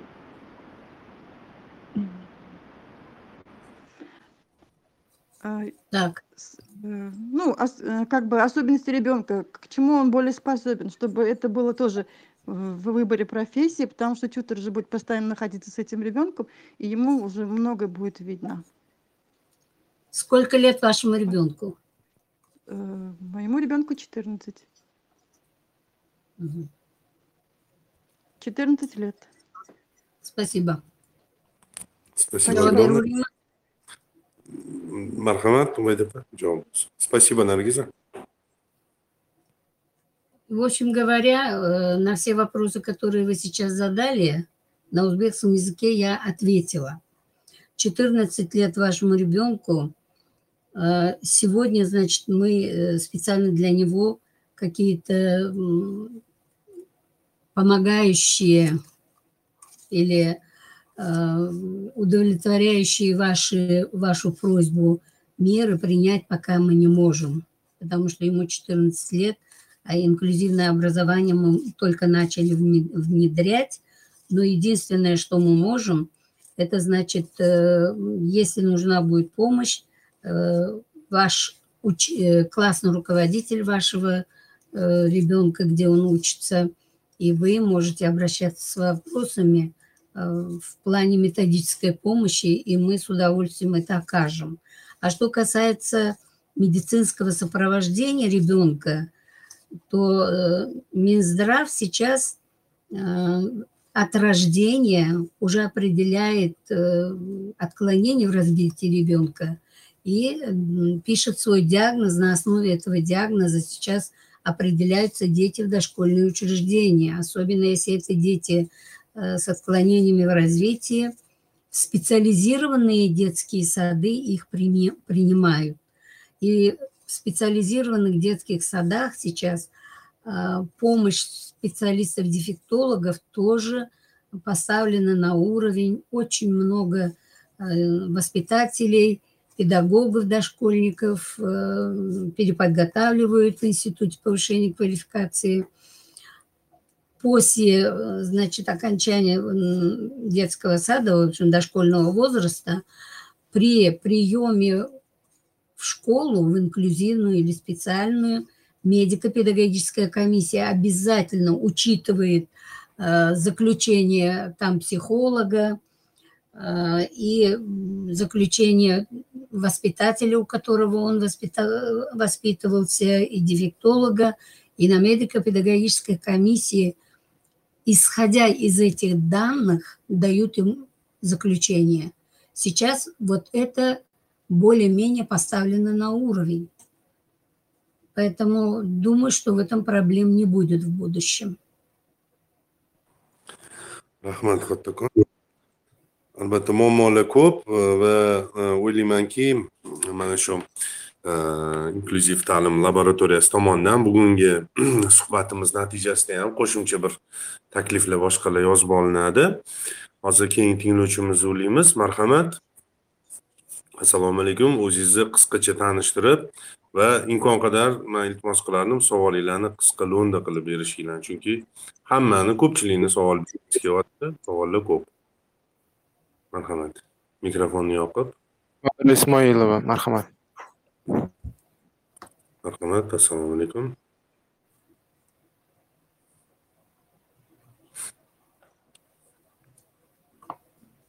Mikrofoningizni yoqishingiz kerak bo'ladi. Hozircha jo'raboyev kamoliddinga berib turdim so'zni vaqt yo'qotmaslik uchun. Marhamat kamoliddin aka. Kamoliddin. Assalomu alaykum hurmatli tinglovchilar. Assalomu alaykum. Man jo'raboyev kamoliddin najmiddinovich o'quvchilarni kasb hunarga yo'naltirish va pedagogik psixologik respublika tashxis markazi direktorining birinchi o'rinbosariman hozir mana bizni mutaxassisimiz ubayda yunusovna javob berdilar. Hamma savollarga hamma javoblarga. E bitta narsani aytmoqchi edim. Mana bildirayotgan ota onalarni fikrlarini ota onalarni nimasini eshitgan holda e, bizni respublikamizda nogironligi bo'lgan shaxslar uchun e, imkon qadar hukumat tomonidan e, tegishli huquqiy me'yoriy hujjatlar tegishli ko'rsatmalar hammasi berilgan. Bitta narsani iltimos qilar edim shu ota onalardan e, ushbu farzandlarini ta'lim olishlarida e, bularga rioya qilgan holda mana hozir e, respublikamizda bu yildan boshlab prezidentimizni qaroriga asosan inklyuziv ta'lim qirq ikkita ta'lim muassasasida tajriba sinov tariqasida joriy etildi. Lekin bundan tashqari e, loyiha doirasida ham respublikamizda ayrim umumta'lim maktablarida ham inklyuziv sinflar tashkil etilganligi hammaga ma'lum. E, respublikamizdagi o'sha tajribalardan kelib chiqqan holda xalqaro tajribalardan kelib chiqqan holda tegishli huquqiy me'yoriy hujjatlar ishlab chiqildi. Mana yaqinda e, vazirlar mahkamasi tomonidan inklyuziv ta'limga oid huquqiy normativ hujjatlar ham tasdiqlandi. Bundan hammanglarni xabaringlar bor. Man aytmoqchi bo'lganim e, farzandlarimizni kelajakda o'sha e, mustaqil hayotga tayyorlashda e, bitta narsani sizlardan iltimos qilar edim bundan keyingi hamkorligimizda mana shu nogironligi bo'lgan shaxslar uchun ta'lim olish jarayonida hunar o'rganish jarayonida qabul qilingan huquqiy me'yoriy hujjatlarni mazmun mohiyatini yetkazish и o'sha hujjatlar asosida kimlarga qayerga murojaat qilishlari bo'yicha shu ota onalarga ko'proq ma'lumot yetkazishni e, tashkillashtirishni shuni taklifini bermoqchi edim. E'tiboringlar uchun rahmat. Rahmat kattakon bizni mana shu sharoit plyus podkast loyihamiz ham o'zi e, nogironligi bo'lgan shaxslar va ularni yaqinlarini e, o'zlarini o'sha huquq va erkinliklari bo'yicha umuman ijtimoiy hayotdagi imkoniyatlar to'g'risida mavzularga bo'lib tayyorlaymiz va bugungi mavzuyimiz ham mana shu e, insonlarni inklyuziv ta'limdan xabardorlik darajasini oshirishga bag'ishlangan. E, sizga albatta kattakon rahmat vaqtingizni ajratib tinglayotganingiz uchun. E, tinglovchilarimizga navbat beramiz. Vasila gaziyeva assalomu alaykum men mushtoq mushtoq ko'zlarda volontyor bo'lib ishlayman shu nogironlar bilan bo'lgan jamiyatda mani taklifim bor edi hozir mana biza sizlar o'tkazayotgan bu tadbirda mutaxassislar va nogiron farzandlar ota onalari ishtirok etishyapti xuddi shuni tadbirni boshqacha variantda o'tkazilsa mutaxassislar birgalikda o'tirib biza bilamiz o'sha nimani bular so'rashyapti bular qachondan beri bu gapni gapirishyapti bizga yordam beringlar bizga yordam beringlar nima qilaylik endi shunaqa bir e, tadbir o'tkazsakda hamma mutaxassislar yig'ilsada nima qila olamiz shu masalani ko'tarsak yaxshi bo'lar deb o'ylayman. Rahmat. Rahmat. Bu mavzuda e, ko'plab takliflar ishlab chiqildi. Va e, topshiriladi. Mana e, bir qancha ilmiy amaliy konferensiyalar seminarlar ham e, bo'lib o'tyapti. O'ylaymanki bu ishlarimiz bardavom bo'ladi. Rahmat taklif uchun. Savollarga navbat beramiz. Sakson ikki o'ttiz yetti degan tinglovchimiz marhamat marhamat assalomu alaykum. O'zingizni tanishtirib qisqa savolingizni yo'llang. Assalomu alaykum. Assalomu alaykum man ismim barno man o'g'lim o'n ikki yoshda imkoniyati cheklangan lekin man oddiy maktabga nima qiladi o'qituvchilik qilib o'qitadida allo eshityaptimi eshityapmiz eshityapmiz darslar anaqasi qisqartirilgan aniq fanlar e, haftada ikki haftada bitta man savolim mana shu bolalarni aqliy faoliyatiga qarab rassomga qo'yish imkoniyati bo'ladimi chunki bular kelajakda baribir nimadir kasb yo hunar egallash kerak kasb egallash kerakku bular o'qishi kerakku fizikalar sizni farzandingiz uyda ta'lim oladimi на домашнем обучении deydiku ha домашнее обучениеda o'qiydi и fanlar вообще qisqa qisqa unaqa berilganda bularga umuman maktabga borib o'qishga imkoniyatimiz yo'q o'qituvchilik keladi lekin dars jarayoni juda qisqa bular nimani o'qib o'rganadi shu jarayonda? Shuni faxriy faoliyatga qarab e, dars jadvali berilsin degan prikaz qonun chiqarsa bo'ladimi degan anaqada telefon qilayotgan edim. Rahmat rahmat. Ubayda opa uyga ta'lim bo'yicha yo'nalishda javob bera olamizmi biza savolga? Endi uydagi yakka tartibdagi ta'lim bo'yicha mana hozirgi e, oxirgi vazirlar mahkamasini qaroriga binoan o'n ikkinchi oktyabr yigirma birinchi yilda olti yuz o'ttiz sakkizinchi vazirlar mahkamasining qarori chiqqan va unda uyda yakka tartibdagi ta'lim bo'yicha hamma narsa batafsil yozilgan va shu asosida ta'lim amalga oshiriladi. Shuning uchun man hozir bu qaror bilan tanishtirib o'tirmayman. Demak barnoxon siz albatta shu qarorni o'qib qarorga binoan e, agar qarordan cheklanadigan holatlar bo'ladigan bo'lsa unda siz e, xalq ta'limi boshqarmasiga o'sha hududiy xalq ta'limi boshqarmasiga murojaat qilib e, vaziyatni to'g'irlashingiz mumkin. Lekin davlatimiz tomonidan hamma narsa ko'zda tutilgan holda necha soat dars berish kerak qaysi fan necha soat o'qituvchi qancha ishlash kerak me'yorlari bilan hammasi bu qarorda belgilangan. Rahmat kattakon. Demak yana bir nechta tinglovchimizni savollarini qabul qilamiz. Vaqtimiz o'z nihoyasiga yetib bormoqda. O'zi yetib ham bo'ldi qo'shimcha vaqtdamiz marhamat. Komil fn marhamat assalomu alaykum. Mani ismim fayzullayev komil toshkent shahridan. Hurmatli podkast ishtirokchilari ubayda opa sizga savolim. Hozirgi bu bizni asrimiz texnologiya asri hisoblanadi mani ko'proq qiziqtirayotgan ya'ni hozir mana ta'lim berayotgan o'qituvchilarimizga ya'ni e, bularga misol uchun ya'ni texnologik jihatdan ya'ni qanaqadir mana kompyuterda ishlayotganda e, bularga qanaqadir ya'ni nogironlar bilan ishlayotganda ya'ni man узкийroq qilib aytaman ya'ni ko'zi ojizlar bilan ishlashayotganida qanaqadir e, приложениялар ya'ni man bitta misol qilib keltirib o'tib ketaman. Amerika qo'shma shtatlarida maxsus dastur bor o'sha ko'z ojizlar bilan ishlaydigan ya'ni natural tutor reader degan. Bu dastur ko'zi ojizlarga ya'ni pdf variantda bo'ladimi rasm bo'ladimi? Ya'ni uni tasvirlab beradi bu dastur. Man aytmoqchi bo'lganim bizada ham shu bo'yicha qanaqadir ya'ni shunga yaqinroq qilibmi bir qanaqadir ishlar boshlanganmi yo boshlangan bo'lsa qaysi e, davrga ya'ni qaysi jarayonda bular shuni bir aytib o'tib ketasizmi? Sizni o'zingizda ham qanaqadir taklifingiz bormi? Nimadir balki tashabbusingiz ha ha manda tavsiya e, qilarlar.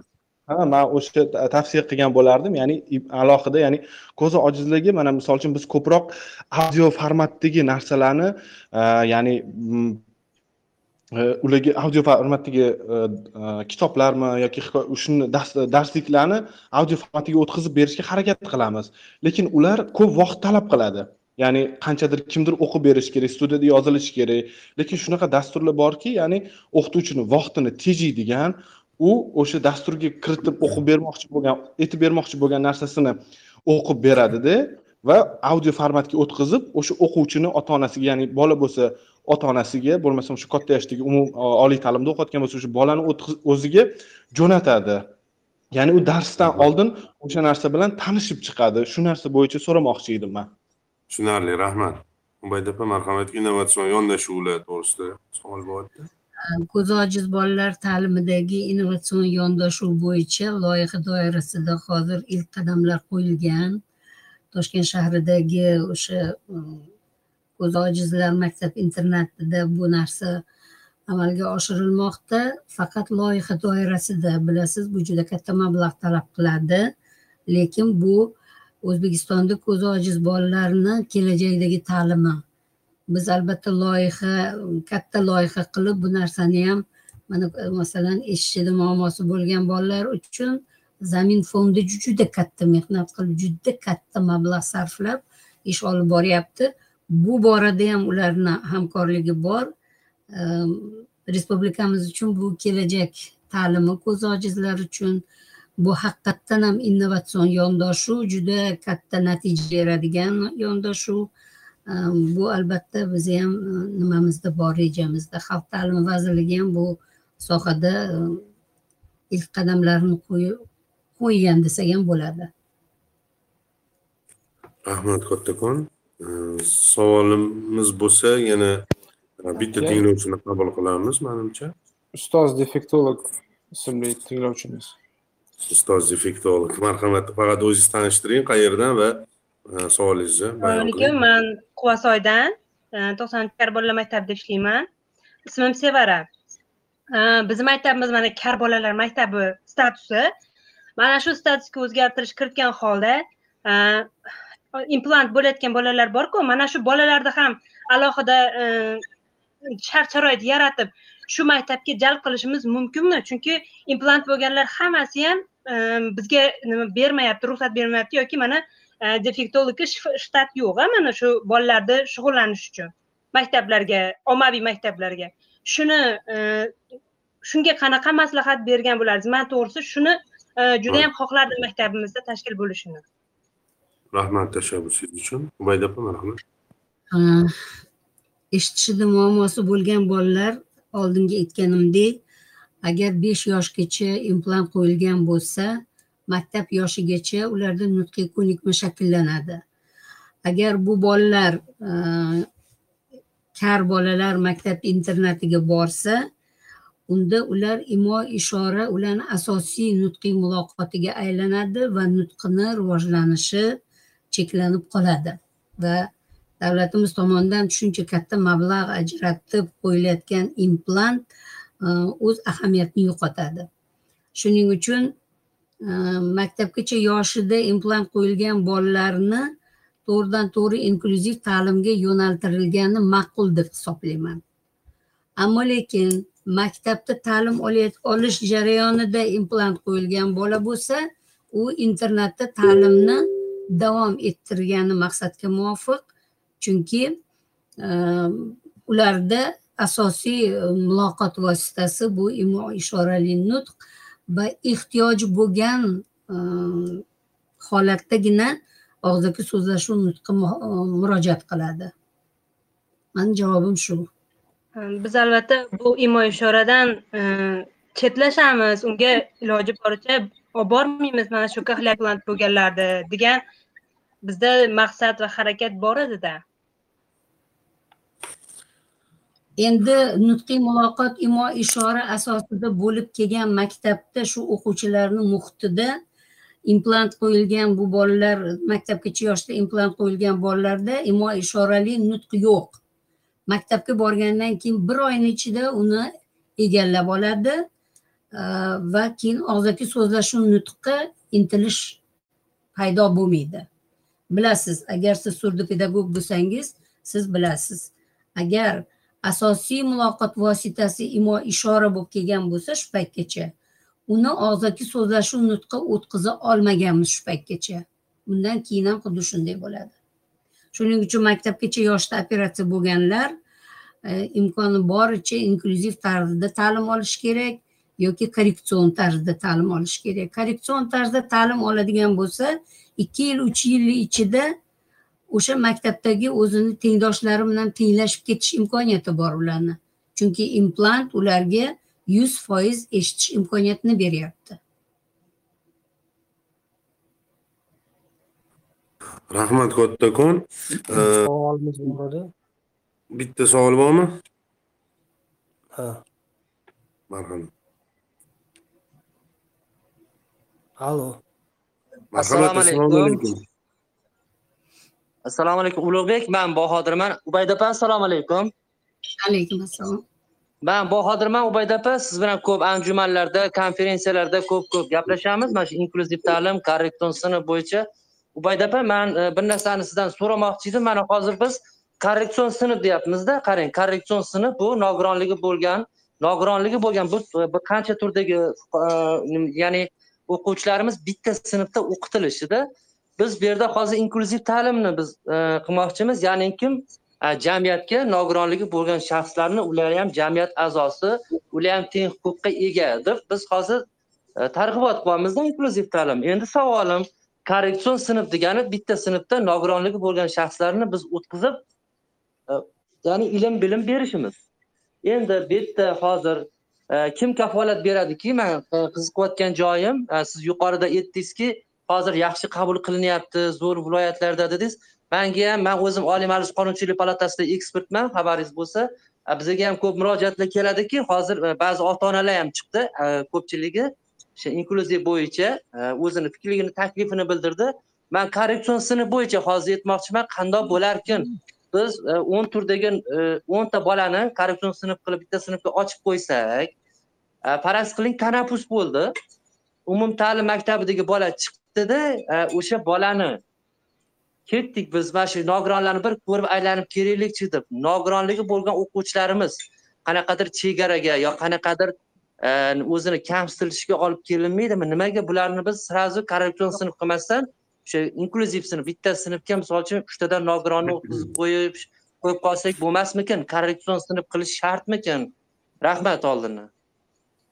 Rahmat biz efirimiz boshida bu haqda gaplashgan edik agar qisqa qanaqadir izohingiz bo'lsa ubayd opa korreksion sinfda bir xil muammosi bo'lgan bolalar ta'lim oladi ularni o'qituvchisi bo'ladi tanaffusda ham ular bolalar bilan birga bo'ladi korreksion sinfga turli muammosi bo'lgan bolalar o'tkazilmaydi inklyuziv sinfda ikki xil muammoli bola bitta sinfda sinfga o'qishi mumkin lekin korreksion sinfda faqat bir xil muammoli bola o'qitilishi ko'zda tutilgan va ular alohida dastur bilan ehm, adaptiv ya'ni moslashtirilgan dasturlar ehm, orqali o'qitiladiki o'zini sog'lom tengdoshlariga tenglashish imkoniyatini beradigan dastur asosida o'qitiladi.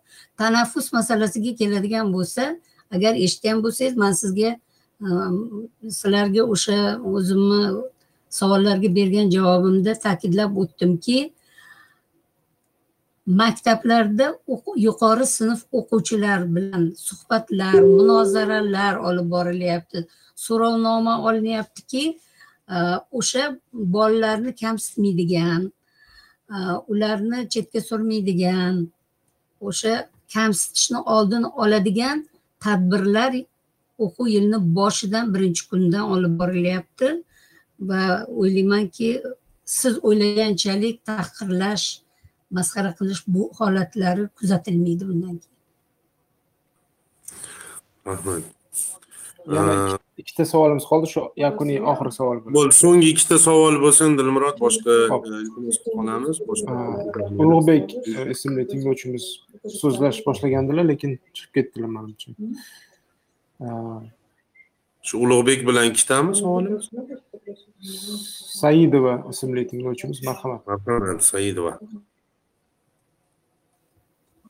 mikrofoningizni yopishingiz kerak bo'ladi assalomu alaykum assalomu mani alaykum ismim gulnoza vaalaykum assalom sergeli yangi hayot tumanlararo nogironlar jamiyati raisiman hozir juda chiroyli suhbat avvalambor rahmat inklyuziv ta'lim o'zbekistonda ikki ming to'qqiz ikki ming o'ninchi yildan kirib keldi deb hisoblasak rivojlanish deyarli nogironlar kutgan darajada emasligi hammamizga ma'lum. Man bitta iltimos qilmoqchi edim. Hammamizga ma'lum nafaqat toshkent shahar respublika bo'yicha eng ko'p nogironlar jismoniy nogiron lekin aqliy salohiyatli nogironlar ayniqsa yoshlar mana shu sergeli yangi hayot tumani hududida joylashgan. O'sha yangi uylar qurilib topshirilishi natijasida shu sababli aynan shu hududdagi maktablarda korreksion sinf emas aynan inklyuziv sinflarni e, yo'lga qo'yilishi va uni rivojlanishini e'tiborga olib shu jihatdan bir jadallikni yo'lga qo'yilsa yaxshi bo'lardi. Bu ham taklif ham nima deydi shu narsalar inobatga olinganmi yo'lga qo'yilishi demoqchi edim chunki bu yil maktabga farzandini birinchi sinfga chiqarmoqchi bo'lgan onalarimiz manga murojaat qilishdiki juda ko'p qiynalishdi. Tushunarli. Gulnoz opa kattakon rahmat savolingiz uchun. Rahmat. Ubayda opa e, o'sha nima deydi? Baribir e, ko'plab shunaqa mahallalar shakllanib qolgan e, taassufki e, va o'sha e, sergeli yangi hayot tumanlarida bu tabiiy chunki imtiyozli uylar juda yam ko'p qurildi bu yerda ijtimoiy e, yo'nalishda islohotlar natijasida izohingiz bo'lsa. Biz albatta bu tumanni mana man o'zimga yozib oldim. Bu tumanni o'rganamiz. Haqiqatdan shunaqa bolalar bo'lsa lekin tibbiy psixolog pedagogik komissiyaga shunday e, harakat muvozanatida muammosi bo'lgan bolalar murojaat qilib qabul qilinmaganligidan bizda hech qanday ma'lumot yo'q.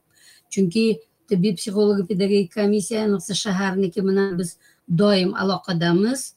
Ular kelgan bolalarni mana shunday bola keldi mana shu maktabga jo'natdik degan axborotni olganmizu lekin harakat muvozanatida muammosi bo'lgan ikkita yoki uchta bola keldi degan ma'lumot bizda yo'q. Biz albatta buni o'rganamiz. Rahmat kattakon Ha, so'nggi eng so'nggisi bugungi hisobda. Az- azizbek islomqulov oxirgi tinglovchimiz marhamat. Marhamat azizbek. Mikrofoningizni assalomu alaykum hurmatli ustozlar e, tinglovchilar. Assalomu alaykum. Assalomu alaykum hurmatli ustozlar mm, tinglovchilar. Mani savolim shundan iborat ediki masalan e, maxsus maktablarda o'qitish programmasi endi bu yildan shu yoshga nisbatan qo'yildi. Oldingi yillari e, masalan yettinchi sinf o'quvchisi oltinchi sinf maktab programmasini o'rganardi. Endi u koxliar implant qo'yilib ommaviy maktabga chiqarilganda e, bir yil keyingi mavzularni qanday o'zlashtirib oladi? Ikkinchi savolim shundan iboratki e, koxliar implant qo'yilgan o'quvchi ommaviy maktab e, maktab inklyuziv sinflarda o'qib jamoaga to'liq qo'shilib ketilsa nogironlik pensiyasidan o'chiriladimi degan savol edi. Javobchini oldimdan rahmat. Pensiya to'g'risidagi savolingiz e, manimcha bu yerda noo'rin berildi. Mavzuga doir shu kompetensiya bo'yicha javob beradilar marhamat. Pensiyaga chiqish masalasi bo'yicha man hech narsa deyolmayman ammo lekin e, implant qo'yilgan bolalar bo'yicha mutaxassis sifatida shuni aytamanki yana bir marta takrorlayman. Agar maktabgacha yosh davrida e, implant qo'yilgan bo'lsa u umumta'lim maktabini dasturini tengdoshlari qatori eplab ketadi va ketyapti. Bizda juda ko'p ro'yxatimizda shunday bolalar bor e, va ular umumta'lim maktab dasturini bemalol e, egallab ketyapti. Agar eshitishidan boshqa qo'shimcha muammosi bo'lmasa. Rahmat katta.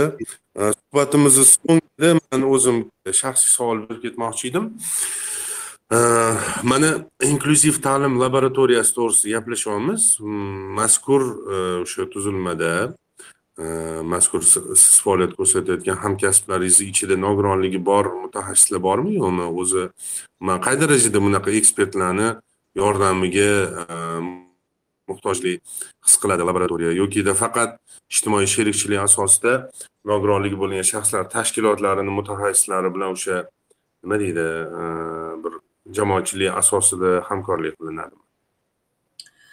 Ehm, inklyuziv ta'lim laboratoriyasida ehm, yuqori malakali mutaxassislar bor va yosh mutaxassislar bor. Hozir o'sha yosh mutaxassislarni ham biz ehm, inklyuziv ta'limni alohida ehtiyojli bolalarni barcha yo'nalishi bo'yicha tajribasini oshirish bilimini oshirish bo'yicha amalga oshirayotgan ishlarimiz bor o'zi rejalashtirilgan. Э, nogironligi bo'lgan shaxslar ularni muammosini chuqur o'rganish uchun kelgusi rejada albatta sherikchilik asosida faoliyat olib borish rejamizda bor. Э, biz albatta sizlarga murojaat qilamiz hamkorlikka tayyormiz. Rahmat kattakon javobingiz uchun. Demak hurmatli tinglovchilar bugun inklyuziv ta'lim mavzusida sharoit plyus podkast bo'lib o'tdi va suhbatimiz yakunida ubayda opa tilaklaringiz mana ko'plab ota onalar murojaat qilishyapti. Umuman tilaklaringizni ularga yo'llash imkoniyati bor sizda. Mhm.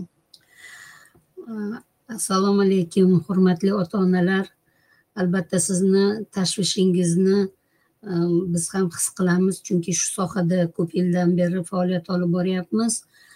Va sizlar bilan hamdardmiz sizlarni o'sha farzandlaringizni tarbiya berishdagi muammolaringizni hal qilishga biz e, bajonidil vaqtimizni ham ayamasdan yordam berishga harakat qilamiz. Man istardimki Э, o'sha alohida ehtiyojli bolalar inklyuziv ta'limda ta'lim oladimi yoki maxsus ta'limda ta'lim oladimi? Faqat o'qituvchiga olib borib topshirgan bilan o'qituvchi hamma narsani o'zi qiladi degan fikrdan yiroqda bo'ling. Siz har doim o'sha bolangiz bolangizni sinfi o'qituvchisi defektologi bilan hamnafas bo'lib siz faol ishtirokchi bo'lsangizgina biz bu bolalarni reabilitatsiyasiga to'liq erishamiz. Davlatimiz tomonidan chiqarayotgan barcha qonunlar har bitta qonun va qarorda ota onani ishtiroki alohida ta'kidlangan va o'sha ishtirokni ta'minlab bersangiz farzandingiz uchun siz ham jon kuydirib ta'limni faol ishtirokchisi bo'lsangiz albatta inklyuziv ta'lim bo'yicha biz oldimizga qo'ygan davlatimiz tomonidan biz mutaxassislar va sizlarni oldinglarga qo'yilgan barcha vazifalarni samarali mm, amalga oshiramiz deb hisoblayman. Rahmat kattakon demak bugungi suhbatimizni mehmoni respublika tashxis markazi inklyuziv ta'lim laboratoriyasi bo'lim mudiri fayziyeva Э, ubayda yunusovna bo'ldilar. Э, pedagogika fanlari nomzodi dotsent э, ustozimizga o'zimizni minnatdorchiligimizni bildiramiz. O'zimiz va barcha tinglovchilarni nomidan qimmatli vaqtingizni ayamaganingiz uchun bizga judayam qimmatli bebaho e, ma'lumotlarni berganingiz va e, o'z e, fikr mulohazalaringiz bilan bahamlashganingiz uchun sizga chuqur minnatdorchilik bildiramiz. Э, sog' bo'ling salomat bo'ling. Inklyuziv ta'lim rivojlanishida o'zingizni hissangizni qo'shishda sizga e, judayam ko'p quvvat tilab qolamiz e, va e, charchamasligingizni ham tilab qolamiz. Rahmat sizga kattakon. Hurmatli tinglovchilar keyingi o'sha sharoit plyus podkast loyihasini sonlarida g'oyibona virtual ravishda uchrashguncha xayrlashib qolamiz. Sog' bo'ling salomat bo'ling.